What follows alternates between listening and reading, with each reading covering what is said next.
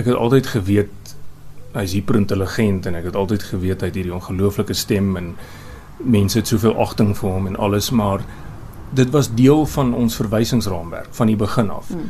En ek dink my ma het spesifiek probeer dat dit ook vir ons iets was wat alledaags was sodat ons nie daarop sou leun asof ons nou as dit ware nou alreeds gebore is as uh, jy weet celebs of wat ook al nie maar dat ons ons eie ding moet doen en nie kan steun op ons pa se sukses nie maar ons eie sukses moet moet bewerk. Jy het baie goed reg gekry want ek het eers onlangs uitgevind dat jy Dolf se seun is. So ek meen jy het nie gesteun op die feit dat ek is waar ek is vandag as gevolg van my pa nie. Jy is waar jy is as gevolg van jouself. Ja jong, weet jy, um, ek is iemand wat glo um, ek wil nie self vra vir 'n skoen om my iewers in te skop nie. ek wil ek wil daar kom uh op die manier en op die tempo waar ek daar moet kom. Ek glo in die beplanning en in tyd. Elkeen van ons het 'n tyd en 'n plek. Jy het mense in jou lewe, jy het 'n plek, jy het 'n tyd. En jy uh, moet wag daarvoor.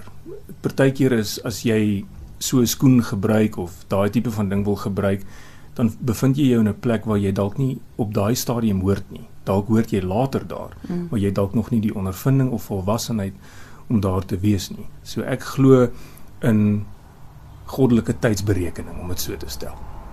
Goed, so hoe het jy daar gekom? Weet jy, ehm um, dit is 'n lang pad gewees want ek het nie die tipiese pad kon volg wat baie van my skoolmaats kon volg na matriek nie. Ek was in die situasie waar ek nie kon gaan studeer nie en ek moes dadelik werk kry. My tweede instrument, mense sal miskien lag as hulle dit hoor, maar was klarinet.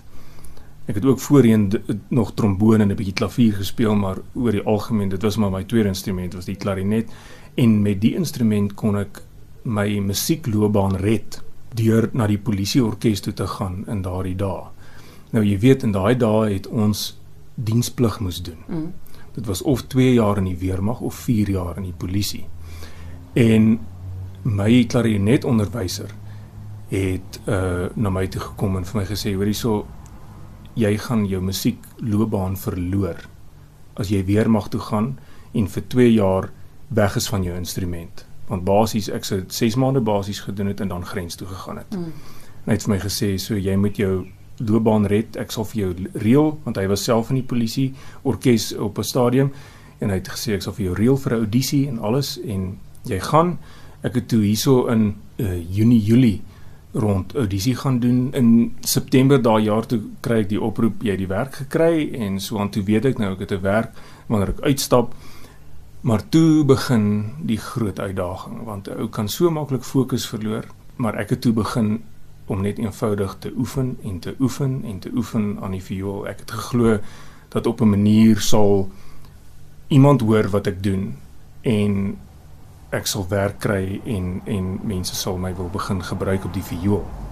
So jy was klarinetspeler in die orkes gewees, ja. maar jou passie was nog steeds om 'n violis te wees. Ek kon nie daarvan af afwyk nie. Ehm um, maar ja, dit is die enigste manier hoe ek my musiek kon red en ek het net eenvoudig geoefen en geoefen en, en uiteindelik het ek by druk um, ekstra werk begin doen. Dis toe nou na jy in die orkes was ja, nou jou Ja, nadat ek in die orkes ja, toe het ek 'n druk begin as speel as ekstra toe na dit in die nasionale orkes. En uh so het dit opgebou um tot ek nou in 2002 by die polisie bedank het en vir myself begin werk het as as as 'n uh, eenman saak as 'n violis en myself dan nou my my dienste uh uit verhuur as dit ware aan orkeste en aan opname ateljee's en die klas van ding. Ja, ehm um, ek oefen nog steeds my toonlere en my basiese goed vir tegniek elke liewe dag van my lewe. Ehm um, so dit is 'n passie wat jy jou hele lewe lank doen. Speel jy nog klarinet? Nee. Ehm um, ek uh, weet jy ek moet sê dit is dis 'n instrument wat my gehelp het. Dit was 'n 'n middel. Hmm tot 'n doel, maar ek het net nie daai passie vir 'n blaasinstrument nie. Ek mal oor klarinet as mense dit speel, ek waardeer dit ongelooflik, soos wat ek klavier ongelooflik waardeer en meeste instrumente, maar ehm um, behalwe 'n doedelsak. Maar ehm um, verder is ek mal oor al die instrumente en uh ja, maar viool bly maar my ding. Wat is dit van 'n viool? Ek dink dit is die feit dat die instrument is vir my 'n uh, 'n verlenging van my eie emosionele menswees. Ek is gebore met 'n soort van intensiteit wat jy nie direk aan mense kan lewer nie. Jy moet dit deur 'n middel doen wat hulle dit kan ontvang. My vrou is 'n wonderlike mens in die sin dat sy my glad nie ernstig opneem nie. Wat baie belangrik is. Want as mense my te ernstig opneem, kry hulle vreeslik swaar. so sy dis bietjie soos water van 'n een se rug partytjie en uh, dis nodig want die intensiteit waarmee ek musiek maak is 'n baie groot intensiteit, is 'n baie hoë intensiteit ding, maar dit wat jy oordra dan aan mense, hulle hoor dit, hulle voel dit. En dit bring 'n spesiale boodskap. Die viool is vir my die vervoermiddel of die middel waardeur ek hierdie intense emosie en passie kan stuur. Hmm. Kom ons gesels gou oor julle gesin want uh, ek dink julle kan 'n produksie op julle eie op die planke bring want julle is almal ongelooflike kreatiewe mense. Vertel my meer van jou vrou. Jong sy ehm um, is in Zimbabwe gebore en haar pa was 'n trompetspeler Hy het vir Fort Jackson 'n Jill trompet gespeel. So Laura het van 'n jong ouderdom af belang gestel in die trompet. Sy het ook begin trompet neem. Later is hulle Suid-Afrika toe ehm um, in Nysna gebly, toe later Port Elizabeth by Alex Alexander High skool gegaan en uh, toe daarna sy ook polisie orkes toe en dit is waar ek haar ontmoet het. En uh, ons is toe in 92 getroud en ons het twee pragtige kinders. My seun is 21, my dogter 17. My seun uh studeer, hy's in sy laaste jaar by Oakfields College in Pretoria Oos waar hy uh hierdie ehm um, hulle noem dit musikale teater, musical hmm. theater mm. studies doen. Hy dans, hy doen ballet, al al die modern tap uh jazz danse. Hy sing en die hele storie ehm um, ek hoor van musicals waarvan ek nie geweet het nie. en my dogter, sy is 17, sy's by Girls High, sy speel cello en en uh, gitaar. En ja, en teken ongelooflik. Ek weet nie hoe te, ek kan skaars my naam teken en sy teken die mooiste goed. So vreeslik kunstig en alles. Ja, die hele lot van ons. Sal jy hulle aanmoedig? Wel, jou seun is nou amper in die bedryf, maar ek bedoel, sal jy jou dogter byvoorbeeld ook nou aanmoedig en sê, "Ja, gaan in die bedryf want dit is 'n moeilike bedryf. Dit is daai en ek het op 'n stadium vir haar gesê toe die oefen nou nie so lekker wou werk nie. Het ek vir haar gesê hoor hierson as jy nie bereid is om amper te bloei vir jou instrument en vir jou passie nie, los dit. Vergeet dit. Dit waardeur jy gaan om in die musiekbedryf en die musiekwêreld suksesvol te wees. Dit is 'n smeltkroes van meet af.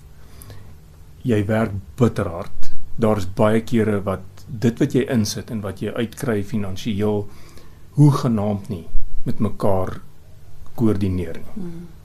Maar daar's geweldig baie sweet. Hulle hulle sê dat jy moet omtrent 10000 ure insit in oefen op 'n instrument voordat jy op die standaard is wat jy in 'n professionele simfonieorkes kan speel.